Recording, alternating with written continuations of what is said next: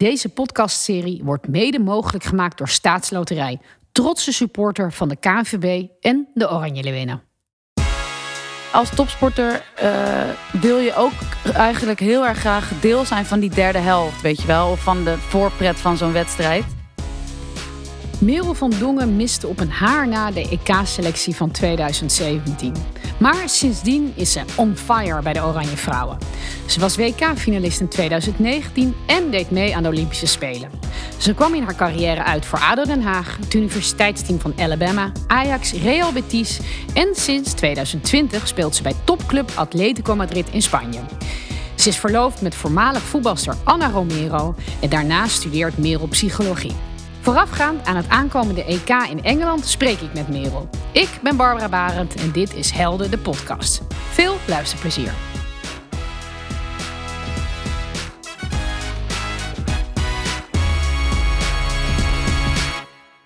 Merel, uh, jij bent een voorbeeld voor velen. Ik niet oh. alleen als voetbalster, maar ook op andere gebieden. Uh, wie is eigenlijk jouw grote voorbeeld? Ook dat hoeft geen voetbalster te zijn. Dat mag iedereen zijn? Oeh, um, wie is mijn grote voorbeeld? Um, dat is een, uh, een man uit Amerika. Die is, dat is de schrijver van The Subtle Art of Not Giving a Fuck. En hij heet Mark Manson. En uh, ik ben groot fan van hem. En hij is, hoe ik over dingen denk, wel een voorbeeld voor mij, ja. En hoe denkt hij dan over dingen? Hij is echt heel erg recht toe recht aan. Uh, geen bullshit. En, uh, maar wel op zijn manier zo eerlijk dat het weer zo respectvol is naar uh, mentale problemen en diversiteit. En al die issues die we horen en zien de laatste paar jaar. En zijn uh, oplossingen voor die issues zijn echt super simpel. Soort van iedereen heeft een paar fucks die je kunt geven in het leven. En als je die fucks om dingen geeft die helemaal niet in jouw controle zijn, dan zijn die fucks op een gegeven moment op. Dus als je dan ergens fucks aan uitgeeft, kies dan zorgvuldig de fucks. Uh, heb ik al genoeg gescholden voor de podcast. Maar um, dus uh, eigenlijk is dat een beetje mijn voorbeeld, ja. Een beetje jouw Bijbel? Ja, eigenlijk wel, ja. Zo kan je het wel zien, ja. Mooi. Uh, we hebben een aantal uh, fragmenten van mensen die jou toespreken. Laten we gaan luisteren naar het eerste fragment. Hey Meer. Nou, naast dat je een van de beste linkspoten van Nederland bent, denk ik ook dat jij als persoon heel erg belangrijk bent voor een team. Je gaat voorop in de strijd. Je bent al meerdere malen heel sterk teruggekomen na een flinke blessure. Je bent een leider en heel belangrijk in een teamsport natuurlijk. Je hebt oog voor anderen. Neem al deze ervaringen mee en wees heel belangrijk op het toernooi deze zomer. Ik ben trots op je. Anouk Hogenijk met mooie woorden over je. Ja, ik ga ervan blozen. Uh, want ja, het is heel erg leuk om te horen. Zeker van Anouk natuurlijk. En uh, ja, ik, ja, ik vind het echt... Uh, ik zie het als een groot compliment, ja. Ja, ik vind het heel mooi. Ben je er een beetje stil van? Ja, nou ja, stil ja, ik, ik vind het gewoon heel erg belangrijk dat voetbal is natuurlijk heel belangrijk. Maar uh, er zijn nog heel veel dingen in het leven nog veel belangrijker dan voetbal. En ik probeer altijd ergens de balans te vinden tussen uh, al die stress en al die uh, grote einddoelen die we hebben als team. En al die druk van buitenaf die er komt. om daar ook af en toe eens bij stil te staan van ja, wie ben je nou eigenlijk? Wat wil je nou eigenlijk? En stel je bent geen voetballer, ben, wat ben je dan? Weet je wel? En die kant een beetje te, te triggeren bij mensen. En en ook uh, er bewust van te zijn dat um, er meiden soms dingen nodig hebben tijdens een EK, wat misschien niet per se met voetbal te maken heeft, maar meer met eh, te maken heeft met hoe, hoe gaat het nou eigenlijk met je, weet je wel? En wat heb je mentaal nodig om goed te presteren en op je gemak te voelen? En het allerbelangrijkste daarin vind ik een, een soort cultuur creëren waarbij, uh, waarbij er vertrouwen is. En dat men mij kan vertrouwen om iets te vertellen en ik aan die andere persoon. Schuilt daar de psycholoog Merel ook in? Nee, want ik, ik weet wel dat ik dit eigenlijk mijn hele leven al een beetje heb. En niet per se uh, heb geleerd uit een boek of zo. Dat leer je ook niet echt uit een boek. En ik zeg ook helemaal niet dat ik er goed in ben. Ik vind het wel belangrijk. Uh, dus ik maak er, probeer, er probeer tijd voor te maken en te luisteren naar anderen in het team. En wie is Merel dan, als ze geen voetbalster is? Um, ja, dat is ook interessant. Um, ik ben uh, iemand die echt ontzettend houdt van mensen om zich heen. Um, uh, ik denk dat ik. Um, um, ja.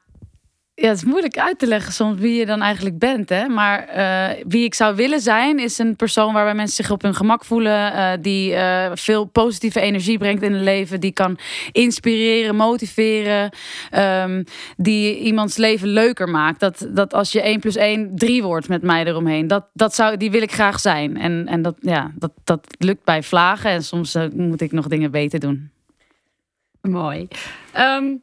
Ja, je bent op het nippertje afgevallen op het EK vlak voor 2017. Um, ehm, je was er gelukkig wel bij in 2019 en de Olympische Spelen. En nu dan eindelijk een EK. Voelt het als een soort revanche? Of denk je nog wel eens terug dan aan die tijd? Of... Nou, op dit moment dat we elkaar spreken is de selectie nog niet bekend. Maar we mogen toch wel aannemen dat je daarbij zit. Ik heb sindsdien geleerd dat je nooit ervan uit moet gaan uh, dat je bij de selectie zit. Want zo heb ik ook in 2017 jobs gedaan voor het EK eigenlijk begon. En ook video's opgenomen voor de KNVB. Die ontzettend leuk waren geworden met Irene Schouten en met uh, um, Van der Breggen en Estefana Polman. Echt super geweldig. Maar ik werd niet geselecteerd, dus ik belde de KNVB echt een uur later nadat ik dat wist. En ik zei, ik niet geselecteerd, dan gaan die filmpjes er ook niet uit. Dus, um, uh, dus deze helden, ik wil zeker wel hebben over het EK. En ik hoop ook absoluut dat ik meega. Maar uh, de selectie moet dus nog uh, gemaakt worden. En ja, daar, daar, daarom ben ik altijd een beetje voorzichtig met nu al zeggen dat of ik er wel of niet bij zit. ik hoop het. En, en, dan, en dan zien we het wel weer.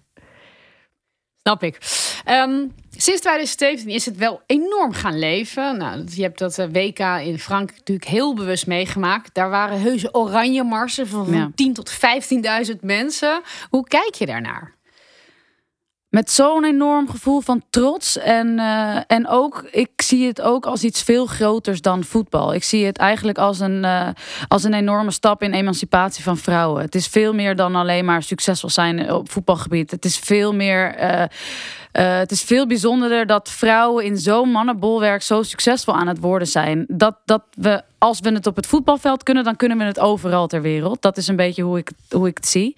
Dus uh, een oranje mars omdat de vrouwenvoetballers uh, een WK-finale gaan spelen. Of zelfs de groepswedstrijden waren er al oranje marsen. dat is voor mij het teken van vrouwen kunnen ook stoer zijn. Voetballen, door de modder rollen, slidings maken, huilen, benen breken, geblesseerd raken. Doorgaan als het even tegen zit als het regent, gaan we door. Als het sneeuwt, voetballen we ook. Dat is ook vrouwelijk zijn. Dat is ook vrouw zijn. En uh, dat zie ik als ik naar zo'n oranje mars kijk op het EK. Of, ja. Heb je ook een hele mooie post op uh, social media toch geplaatst? Was ja, dat was uh, eh, WK-finale. Nee, dat was nadat we verloren in, ja. uh, van Amerika. En dat, dat was het gevoel wat ik overhield. Aan. Het was natuurlijk een enorme teleurstelling dat we tweede werden in plaats van eerste. Want ja, we willen goud. Maar toen we zilver hadden, zei ik inderdaad: het is een zilveren medaille, maar wel met een goud randje. Want de, de impact die wij in Nederland hadden die zomer was, was meer dan voetbal. Zo heb ik dat wel ervaren. En ik hoop ze, alle Nederlanders ook eigenlijk wel. Um, vooraf hè, in de wedstrijd. We hebben al een beetje gehoord, de Spits uh, doet dansjes. Ja. Uh, wat, wat doet Merel van Dongen in de kleedkamer? Ja, Sherida en ik zijn allebei wel erg van het dansen. En uh, gelukkig heb ik uh, Sherida. Jill houdt ook nog wel van een dansje. Maar ik ben, uh, ja, ik sta wel op de stoel hoor. Voor de wedstrijd? Ja hoor. ja. Nou je moet natuurlijk, eh, je bent zenuwachtig. Uh, het is hartstikke spannend. Uh, iedereen die zit natuurlijk een beetje met een strakke kop. Um, ja, dat moet je ook een beetje zien te doorbreken. Als je dat niet doorbreekt, dan ga je. Ik in elk geval persoonlijk heb dat nodig. En zo zijn er nog een aantal die dat ook nodig hebben. En er zijn een aantal die juist, die laten we ook met rust. Die, die liever hun eigen moment pakken en oortjes in hebben. Of gaan rekken en strekken in de, in de kleedkamer. En eventjes niks willen behalve focus houden. Maar ik merk wel bij mezelf, gedurende de jaren heb ik geleerd dat ik beter af en toe eventjes wat van op kan zoeken en een dans en een, en een, en een mooi lied, dan dat ik heel de wedstrijdvoorbereiding uh, naar mijn schoenen en mijn tenen loop te staren. En, en dan ga ik alleen maar denken en dat is niet goed voor mij. En, en bepaal je ook uh, welke muziek er dan gedraaid wordt? Sherida is de DJ. Dus, uh, maar die staat wel zeker open voor uh, alles wat we, welk liedje we ook willen. Dus uh, als ik een liedje wil, dan moet ik het even tegen Sherida zeggen. En dan gaat hij zo de playlist in. En ja. wat is dan favoriet van Sherida? Ja, Sherida is echt van wel meer van uh, Nederlandstalig en, en ook een beetje dance muziek. Dus dan heb je echt Kali, mijn liefste Kali. En, eh, en ik ben meer van de lekkere reggaeton. Ik voetbal natuurlijk ook in Spanje, dus eh, daar wordt volop reggaeton gedraaid. Dus er is echt een mix. Nou, je wil niet weten, het, is, eh, het gaat alle kanten op bij ons in de kleedkamer. Kan je een beetje reggaeton voor ons zingen? Nee, dat kan ik niet zingen. Dat is meer wat je moet dansen. Hè? Dus eh, nee, ik kan het niet zingen. maar het is eh, wel leuk. Ehm, nog even over zo'n oranje mars. Hè? Heb je nooit iets van dat je denkt, ik wil eigenlijk stiekem een keer meelopen? Ja, ehm, eigenlijk wel. Maar dan moet dan bij een mannentoernooi dan gebeuren, bijvoorbeeld. Of, eh, ik bedoel, ik ben nu 29. Ik ga ook niet nog eh, tien jaar door. Dus eh, al na mijn carrière ga ik wie weet wel een keer mee in de Mars. Dan loop ik voorop. Ga je op die bus? Op de bus wil ik ook wel. Ik kan het, ook het publiek wel even aanzwingen. We kunnen ook wel van links naar rechts. Kan ik ook. Nee, dat lijkt me wel leuk om een keer mee te maken. Om het een keer van de andere kant te zien. Want daar krijg je niet heel veel van mee tijdens het toernooi. Nee, Van de Vaart zei dat, een keer, eh, ik, dat hij altijd wel op, eh, op zijn balkonnetje ging zitten. Dat hij eigenlijk liefst er een biertje bij wilde hebben om dan te genieten daarvan. Snap je dat? Ja, dat snap ik heel goed. En ik weet ook nog in Frankrijk hadden we één hotel waar de Mars langs ging. En dat, dat gaf ook echt zo'n kippenvelgevoel om al die fans langs het hotel te zien eh, lopen. Dus ja, ik, ik, ja, het is een beetje als topsporter eh, wil je ook eigenlijk heel erg graag deel zijn van die derde helft, weet je wel. Of van de voorpret van zo'n wedstrijd. En ja, daar zullen we toch nog even op moeten wachten. Maar dat komt goed hoor. Voorpret is voor de Leeuwinnen enorm belangrijk om te presteren in wedstrijden. Ze dansen en zingen en worden gemotiveerd door alle fans rond het stadion die in de stemming komen. Of het nou thuis op de bank, samen in het café of in de kleedkamer met je team is, we hebben allemaal dingen die we doen als voorpret. Deel jouw voorpretrituelen met Staatsloterij op Instagram en maak kans op een straat staatsloten. Ehm, nou, we gaan luisteren naar iemand die heel dierbaar is en die wil iets tegen je zeggen. Hey lieve Merel, hier Sanne, je kleine tweelingzusje van 20 minuten jonger. Ik moest iets liefs over jou zeggen en dat is natuurlijk altijd een enorme uitdaging. Maar ik ga het toch proberen. Nee, eh, je, bent, eh, ja, je bent niet alleen mijn tweelingzus, maar je bent ook mijn beste vriendin. En degene wie ik al jarenlang bel als het slecht met me gaat. of niet dat het altijd slecht met me gaat, maar als het zo is, dan ben je er altijd. En ehm, je bent echt eh, heel erg... ehm, hoe zeg je dat? Ik wou zeggen slim, maar ik bedoel meer dat je, je bent ook slim hoor. Maar ook dat je gewoon altijd het juiste advies weet te geven. En dat je altijd weet dat iemand nodig heeft en dat je altijd voor iemand bent. Dus dat vind ik heel erg fijn aan jou. En je bent er echt voor mij, maar ook voor je beste vriendinnen. En ook als teamgenoot die jou in het midden van de nacht zouden bellen, weet ik zeker dat je bij hun ook op de stoep zou staan. Eh, waarom ik je ook heel erg waardeer, is omdat je zo'n ontzettende doorzetter bent. En zo doelgericht bent dat je altijd weet, hey, hier werk ik naartoe, dat wil ik bereiken en dit moet ik daarvoor doen en dit ga ik daar ook allemaal voor doen. Waar ik soms wel eens heb van, hey, dit is mijn doel, dit wil ik bereiken en eh, wat moet ik daar ook weer voor doen? En dan vergeet ik dat halverwege en dan bereik ik het misschien wel of niet. Maar jij weet gewoon altijd wat je moet doen. Dus daar waardeer ik je heel erg voor. En verder, als ik aan jou denk, denk ik altijd aan dat we nog tot ons achttiende samen in een bedje sliepen en elkaars hand vasthielden, omdat we gewoon onafscheidelijk waren. En nu zijn we natuurlijk iets meer afscheidelijk, omdat jij in Spanje woont en ik in Nederland. Maar um, ik denk dat we het heel erg goed doen de laatste tijd en dat we elkaar echt veel zien en spreken. En um, daar ben ik echt heel erg blij om. Dus ik mis je wat minder en daar ben ik eigenlijk alleen maar heel erg blij om. Dus, um, nou. Uh, Fijne, fijne dag, fijne podcast verder. Groetjes aan Barbara. Doei. Je krijgt de groetjes van mijn zus. Ja, dank je. De ogen werden een beetje waterig in het begin. Klopt. Ja, nee, ja. Wat, uh, ik heb twee zussen, San en Tessel. En uh, met z'n drieën zijn we echt uh, heel erg dicht bij elkaar. San is mijn tweelingzus en Tessel is maar anderhalf jaar ouder. Dus we hebben onze hele jeugd zo'n beetje bij elkaar op de lip gezeten. En um, die band die we in die eerste 18 jaar hebben opgebouwd is zo speciaal dat. I don't know, het is moeilijk uit te leggen. Als ik haar stem dan hoor en dan zegt ze zulke lieve dingen, dan word ik daar emotioneel van, ja. Ja, dus het betekent gewoon heel veel voor mij. Die komen ook uit echt een topsportfamilie. Tessel, uh, basketbalster en rugbyster geweest. Sanne, basketbal op hoog niveau. Sanne heeft ook nog even gevoetbald, toch? Bij Buitenvelder samen met jou? Ja, tot de onder 15 Nederlands elftal. Toen ook ging nog. zij ja. basketballen, ja. Hoe belangrijk zijn je zussen en je ouders ook in jouw voetbalcarrière? Ja, eigenlijk uh, weet ik niet of ik hetzelfde bereikt had zonder ze. Ehm, want uh, ja, groot gedeelte van wie je bent en hoe je in het leven staat, komt natuurlijk wel door je ouders en door, en door je zussen. In mijn, in mijn geval, elk geval heel erg zo. En ja, bij ons is er thuis altijd enorm veel ruimte geweest voor, um, het, voor ja, hoe je ergens over nadenkt, om gevoel te bespreken, om te praten over wat er gebeurt. En uh, zo heb ik meermaals natuurlijk tegenslagen gehad, die ik door de support van mijn zussen en ouders eigenlijk daardoor heen ben gekomen. En ik weet niet, als ik die support niet had gehad, dan had ik misschien wel gezegd, jongens, ik stop ermee. En ik heb daar altijd niet dat mijn ouders gepoest hebben, nooit. Nooit hebben ze gezegd, je moet door. Ze hebben altijd gevraagd van, oké, waarom wil je stoppen? En wat kun je eraan doen om uh, dat een andere oplossing te, komen? En, en um, wat voel je erbij? En uh, nou, ga maar eens een week nadenken over stoppen. Weet je wel, dan dacht ik er een week over na. En dan zei moeder, en dan wil ik dat je nu een week nadenkt over doorgaan. En dan twee weken later zei ze, nou, hoe voelde je je na deze twee weken? Weet je, we moesten echt een week lang echt 100% van uitgaan dat ik stopte. In alles wat ik deed. Ik moest op zoek gaan naar plannen voor na mijn carrière. Ik moest uh, een universiteit mailen of er plek was. Echt een week lang volledig gaan op stoppen. En een week lang volledig gaan op, oké, ik ga door. En dat betekent dus weer naar het Nederlands elftal. De uh, tien dagen zijn met, met iemand die je net heeft laten afvallen van een selectie of whatever. En dan, ja, wat voel je daar dan bij? Weet je wel? En daar was altijd zoveel ruimte voor gesprekken. En, en mijn zussen zijn ook altijd uh, daar geweest, omdat ze zelf ook op hoog niveau speelden, natuurlijk. Dat we zoveel konden bespreken over hoe je met druk omgaat. Hoe je met, uh, met tegenslag omgaat. Hoe je omgaat als, met het feit dat je weg, ver weg woont van je ouders en je zussen. Ja, als je daar altijd zo goed over kunt praten, dan, dan, dan leer je wel een bepaalde leer jezelf beter kennen en je leert makkelijker omgaan met bepaalde situaties. Dus nee, ik had het never nooit gered zonder ze.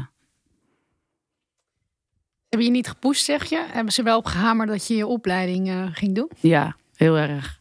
Ja, ik, ik was ook nog in een tijd natuurlijk toen ik een jaar of 18 was. Toen uh, voetbalde ik voor een reiskostenvergoeding bij ADO Den Haag. En ik had nooit kunnen voorspellen dat ik uh, nu zou verdienen wat ik er nu mee verdien. En, uh, en nogmaals, uh, of tenminste niet nogmaals, maar bovenal is het heel erg belangrijk dat wij niet zoveel geld verdienen dat we na onze carrière helemaal niks meer hoeven te doen. Weet je, um, het is ontzettend veel beter geworden, het vrouwenvoetbal, maar ik loop niet binnen. Dus ik zal nog wat moeten maken van mijn leven na mijn voetbalcarrière. En daar hebben mijn ouders eigenlijk altijd op gehamerd. En altijd gezegd: joh, meer leuk dat je goed kan voetballen. Maar je hebt ook een stel hersenen waar je wat mee kan. Dus laat die kans niet gaan.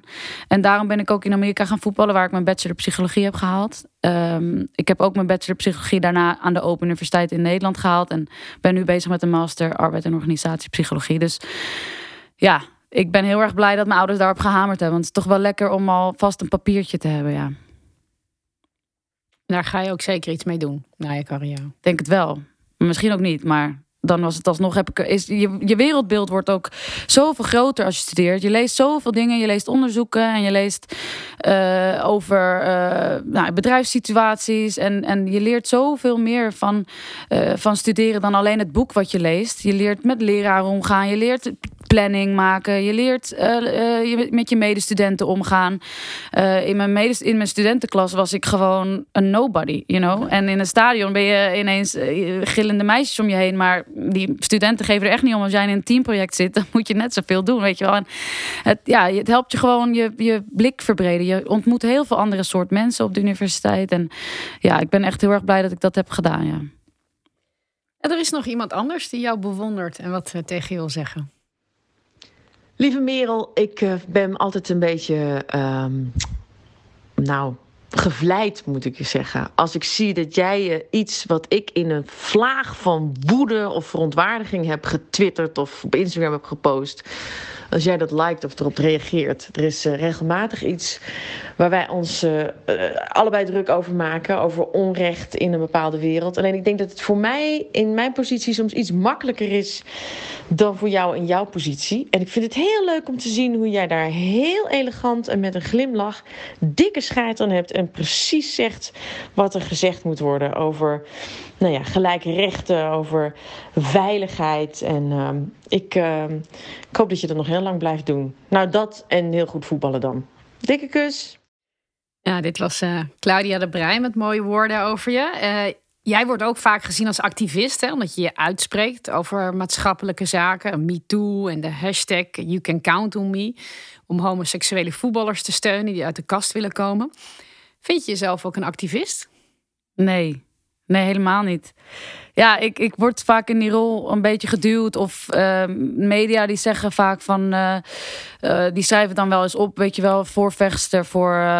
of nou ja, in elk geval activistische voetbalster of iets dergelijks. En nee, ik zie mezelf helemaal niet zo. Ik, ik, het enige wat ik doe is wel eens iets aankaarten waarvan ik het zo belangrijk vind. Dan heb ik het weer over de fucks die je ergens wel of niet omgeeft. nou ja, ik heb er een paar gereserveerd voor hele grote belangrijke dingen die ik belangrijk vind. En daar zeg ik, denk ik, over wat ik voel heel erg. Uh, en toch weg te blijven van al dat opinie maken, uh, wat iedereen eigenlijk een beetje doet. Ik, ik probeer het echt alleen maar te focussen op dingen die ik. Nou, die zijn eigenlijk voor mij zo voor de hand liggend. Dat ik denk dat dit überhaupt nog een discussie moet zijn dan grijp ik in. Of tenminste, dan heb ik het gevoel van ja, deze, deze battle pak ik aan. En, um, en dan eigenlijk altijd vanuit een positieve invalshoek. Dus bijvoorbeeld, uh, er was inderdaad een homoseksuele voetballer die een anonieme brief stuurde naar de Sun dat hij dus wel homoseksueel was, maar daar niet voor uit durfde te komen. Dus ik, ik, ben dan niet iemand die dan zegt, wat verschrikkelijk dat die jongen nog niet uit de kast kan komen. En uh, wat voor wereld leven we nou eigenlijk dat dit nog niet mogelijk is. Ik ben meer van iemand die zegt, jongens, laten we iedereen die daar hetzelfde over denkt bundelen. En dat dat gewoon heel normaal is. En dan de positieve uh, boodschap de wereld insturen van, joh, gast, als je uit de kast wil komen, dan zijn hier duizenden en duizenden mensen die jou gewoon zullen supporten. En misschien nog wel meer zullen supporten als je niet uit de kast komt. En dat is een beetje de positieve boodschap die ik er dan graag aan wil geven. Want dat heb ik ook heel erg vaak met. Um, met bijvoorbeeld emancipatie of de, de rol van vrouwen in de maatschappij. Of bijvoorbeeld de rol van vrouwvoetballers in, um, in de voetbalwereld. Dan zeggen ze ja, die, die, de vrouwen, wij moeten gelijk verdienen als de mannen. Of het is toch belachelijk dat de vrouwen nog niet gelijk verdienen als de mannen. Of dat het zo'n groot verschil is. Ik ben meer van iemand die zegt: jongens, moet je eens voorstellen als we nu gaan investeren in vrouwenvoetbal. Dat dan over vijf jaar het stadion net zo vol zit als dat het nu bij Barcelona Real Madrid in de Champions League zat. Want er zaten 100.000 mensen, 93.000 mensen. En dan zie ik kansen, weet je wel. Dus ik ben heel erg van ik ben niet activistisch door heel erg te hameren op alles wat niet goed gaat en dat het allemaal beter moet. Ik ben meer iemand die zegt: jongens, het is zo voor de hand liggend dat dit nog niet is zoals het zou kunnen zijn. En als we dat op deze manier aanpakken, dan gaan we daar die kant op. En ik zie dat niet echt als activisme, meer als um, ja, inspirator of motivator om de mensen ogen te openen van, oh, dat is ook een manier om er zo naar te kijken. En dat is anders dan iemand die echt demonstreert en uh, een groot gedeelte van zijn leven vrijmaakt, tijd vrijmaakt om zich in te zetten voor de rechten van vrouwen of homo's. Maar Claudia de Brijs zegt het heel leuk. Want je doet het gewoon op een hele leuke, elegante manier. Ja. Zeg je wel waar het op staat, toch? Want je, je boodschap is helder. Ja, dat, ik heb wel een heldere boodschap. Alleen. Uh, op een elegante manier. Ja, ja zo kan je het zeggen. ja. Maar het woord activistisch, daar is een beetje een negatieve connotatie eh, bij eh, Merel van Dongen. Nee, ook dat niet. Want ik, heb, ik denk dat er ontzettend veel goede activisten zijn. Maar die maken echt een groot gedeelte van hun leven en tijd vrij. om het daar ook echt voor in te zetten. En ik vind dat een te grote eer voor wat ik doe. Ik, ik doe ik zeg wat op Twitter en ik zeg wat in interviews. Maar het is niet zo dat ik echt denk: op maandag ga ik me inzetten voor de. Weet je wel, ik, ik heb geen rol in een organisatie. Ik word er niet voor betaald. Ik, ik ben niet iemand die op zoek gaat naar uh, uh, bijvoorbeeld een, een goed doel. Die zich daar heel erg. Weet je wel, dus ik zou het een te grote. Nou, bijna eer vinden om activistisch genoemd te worden. Je bent wel een inspirator op dat gebied. En eh, weet je, je hebt dan, ik, ik mag niet schelden van mijn moeder, dus dat doe ik niet. Mhm. Dus ik, heb net heel vaak stuk gezegd. Ja, maar je hebt er dus uh, een paar, de, die, de apps die jij gebruikt, dat zit hem op uh, homo-acceptatie. Ja. Op vrouwen. Dus de kracht van de vrouw, die moet, vrouw, meer, uh, moet meer uit, van, uit de vrouwskracht worden gepraat. In plaats van de vrouw die vaak als slachtoffer wordt neergezet. Ja, En heb je nog een uh, F? Of uh, um, dat je belangrijkste? Dit zijn wel de belangrijkste. En, en, en ook wel, ik, ik sta ook wel heel erg voor gelijk, gelijke kansen. Niet alleen voor vrouwen, maar eigenlijk voor iedereen en alles wat er in Nederland opgroeit. Zeker de kinderen, ja. Ja, en je zei net al even iets eerder, hè? heel mooi over dat uh, wat er op WK in Frankrijk gebeurde, Oranje Mars, dat het veel meer voor jou is dan alleen een Oranje Mars. Hè? Dat je ziet de rol eigenlijk van de vrouw, de emancipatie. Um, ja, heb je het gevoel dat, dat dat is ook een soort missie van jou, toch? Om, om, om naar de kracht van de vrouw te benadrukken. Heb je het gevoel dat je daar ook alweer veel verder in bent? Als we dan even naar Nederland bijvoorbeeld ook kijken. ja.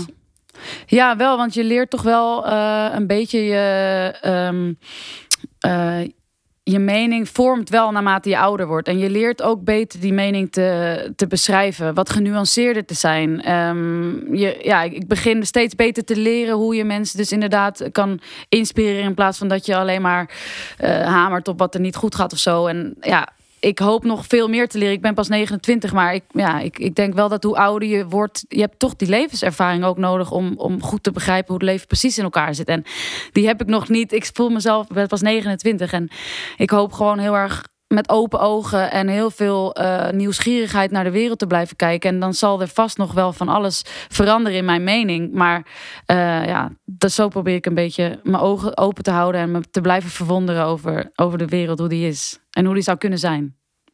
Um, ja, we hebben, we hebben nog iemand gevonden die wat leuks tegen je wil zeggen. Jeetje, jeetje.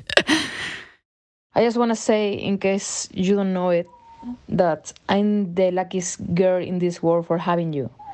And that I can wait to be your wife. Porque nos casamos. Que ya sabes que lo nuestro es de otro planeta.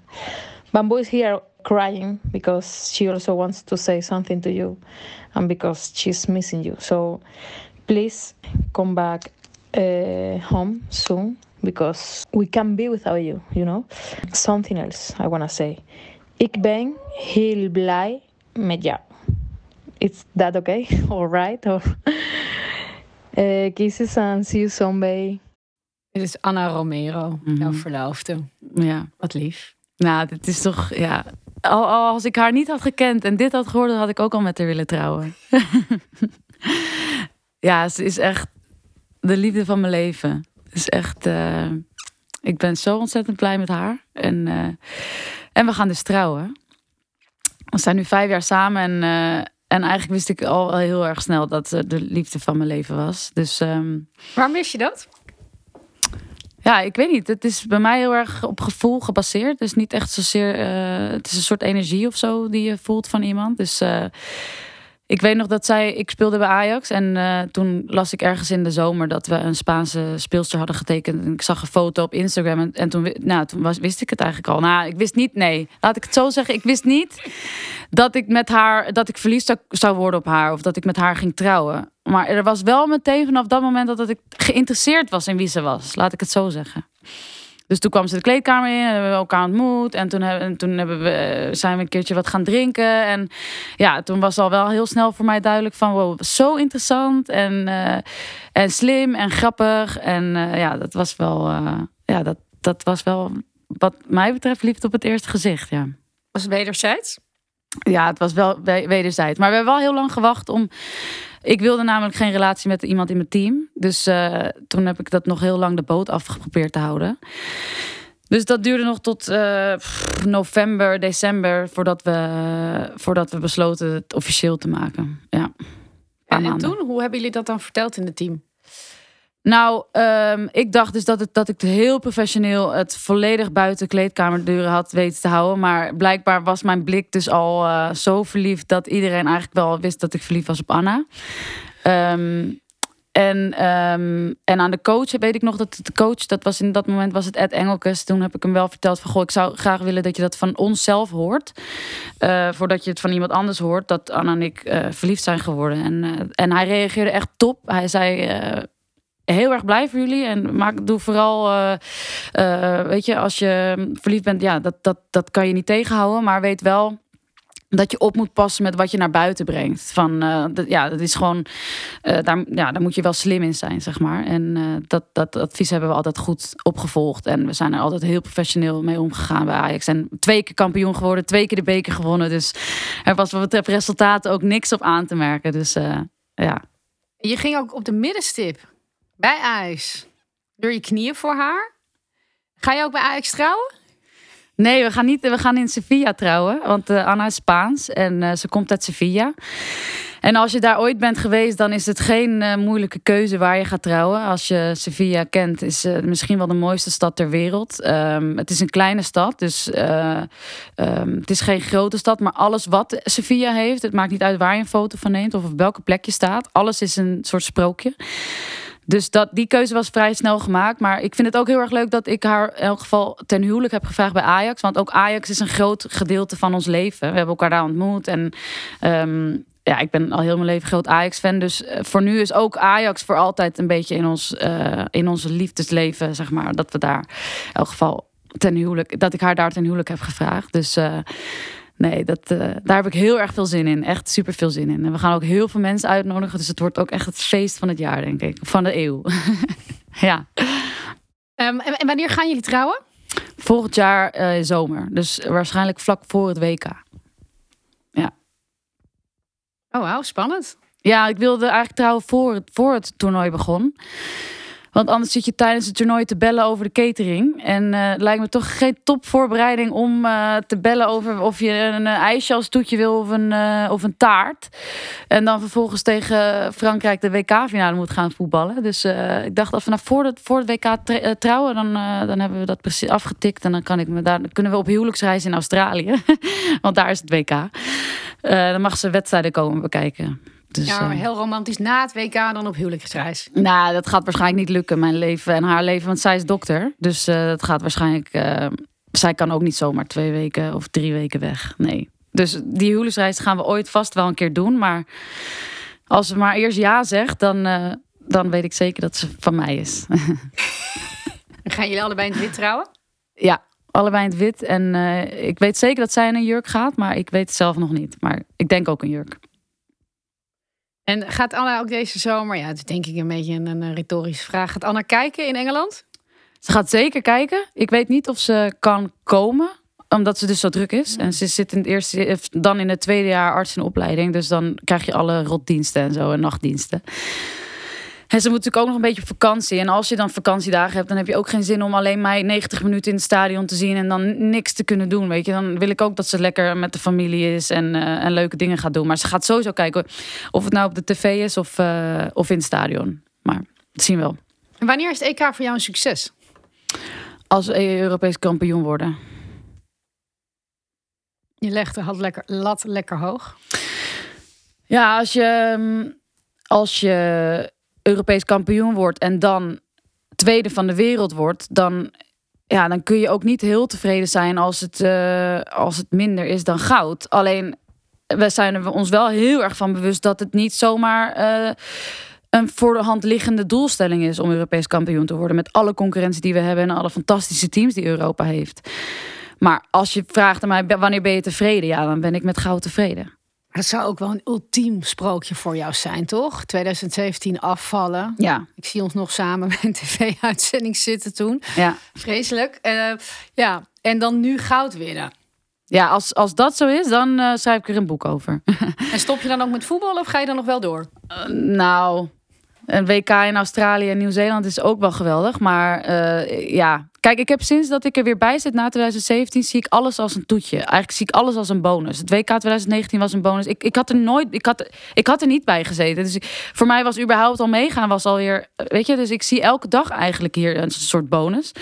Dus als ik dan ook nog eens uh, een gouden medaille op een EK of WK nog kan winnen, nou, dan, dan gaat het dak eraf. Dan, dan weet ik niet wat ik van vreugde aan moet, denk ik. Nee, wat zien we dan voor Merel? Ja, ik weet het niet. Nee, ja, dat, is, dat, ja, dat zou echt helemaal geweldig zijn. Dat is echt wel waar ik alles voor doe ook hoor. Waar heel mijn leven staat wel in het teken daarvan. Het, staat, het is goed slapen, goed eten, um, tot en met het EK. Dus ja, ik doe er alles aan en dan hoop ik dat het lukt. En als dat lukt, ja, dan, uh, ja, dan schrijf ik er een boek over. Ooit. Wat zijn jouw ambities nog? Je studeert psychologie, je bent verliefd, je gaat trouwen, je wil nog uh, presteren. Wat zijn al je ambities nog? Ja, dit toernooi is wel heel belangrijk voor mij. Ehm, want ja, ik ben 29, dus wat voetbal betreft eh, gooi ik al mijn hoop op dit toernooi. En eh, het zou prachtig zijn als er nog een WK uh, achteraan gaat. En het zou nog helemaal geweldig zijn als wie weet, nog een Olympische Spelen in Parijs. Maar ik, ik, ja, ik, laat ik het zo zeggen het EK op dit moment is mijn allergrootste voetbaldoel en droom en ambitie. Um, ik speel natuurlijk bij Atletico Madrid. En ook zij uh, hebben een enorme doel om weer Champions League te gaan halen. Dus dat zou ik ook echt geweldig vinden om bijvoorbeeld volgend jaar of het jaar daarna. Ik heb nog twee jaar contract. Uh, aan de Champions League te mogen deelnemen. En verder als mens hoop ik. Uh, ja, weet je, the sky's the limit, denk ik. Uh, ik zie wel waar ik strand, maar uh, al zou ik uh, de baas van FIFA willen worden, of de baas van de KNVB, of bondscoach van de mannen, of bondscoach van de vrouwen, of, um, of misschien gewoon, misschien laat ik me omscholen en word ik loodgieter. I don't know, weet je, ik weet het niet. ik, ik laat het leven wel een beetje lopen waar ik denk dat het zou moeten gaan, en, en dan komen die beslissingen vast, komt vast de wijsheid eh, op het moment dat die beslissing genomen moet worden. Maar ja, het allerbelangrijkste is dat de relatie met mijn ouders en met mijn zussen en met mijn vriendin goed zijn. Uh, dat ik me dichtbij voel bij hun. Dus ik zie mezelf niet in Amerika gaan voetballen nog of zo, weet je wel. Ik wil gewoon heel graag dicht bij eh, Amsterdam en Sevilla zijn. En, uh, en Anna en ik willen ook graag kinderen. Dus als ons dat gegeven is, zou het wel heel erg leuk zijn. En ja, dan zie ik wel waar het schip strandt. maar ja, als de relaties maar goed zijn, dat is het hoofddoel. En uh, wat zou je willen dat als je kinderen krijgt, dat die dan uh, over jou zeggen later, als ze wat groter zijn? Nou, dat wat ik eigenlijk uh, over mijn eigen ouders zei natuurlijk, dat er dus altijd, altijd ruimte is voor, voor gevoel en een luisterend oor is. En uh, dat, uh, dat mijn kinderen zich vertrouwd en thuis voelen, uh, dat is het aller, allerbelangrijkst. En het maakt me niet uit wat ze doen met hun leven, als ze maar met, met eer en geweten hun leven leiden en, en proberen er, er te zijn voor anderen. En nog één ding, ik zou je heel graag als FIFA-directeur willen zien. En zouden we dan nog een toernooi in Qatar voetballen als homoseksualiteit daar verboden is? Never, never, nooit. Maar ja, dat heb je als FIFA-directeur ook niet in de hand. Hè? Dus als er gestemd wordt, wordt er gestemd. Maar ga er voor mij aan als ik FIFA-directeur word, dat de stemming in elk geval eerlijk gaat. En niet corrupt. Dankjewel Merel van Dongen en heel veel succes op dit EK. Dat al je dromen mogen uitkomen. Bedankt. Is je gegund. Bedankt. Dankjewel. Wil jij nou een gesigneerd oranje item winnen van Merel, Sherida of Vivianne? Hou dan onze Instagram pagina @heldenmagazine in de gaten. Dit was Helder de podcast. Volg deze podcast op Spotify of Apple Podcast voor nog meer inspirerende sportverhalen. Laat ook een review achter en laat ons weten wat je van deze aflevering vond.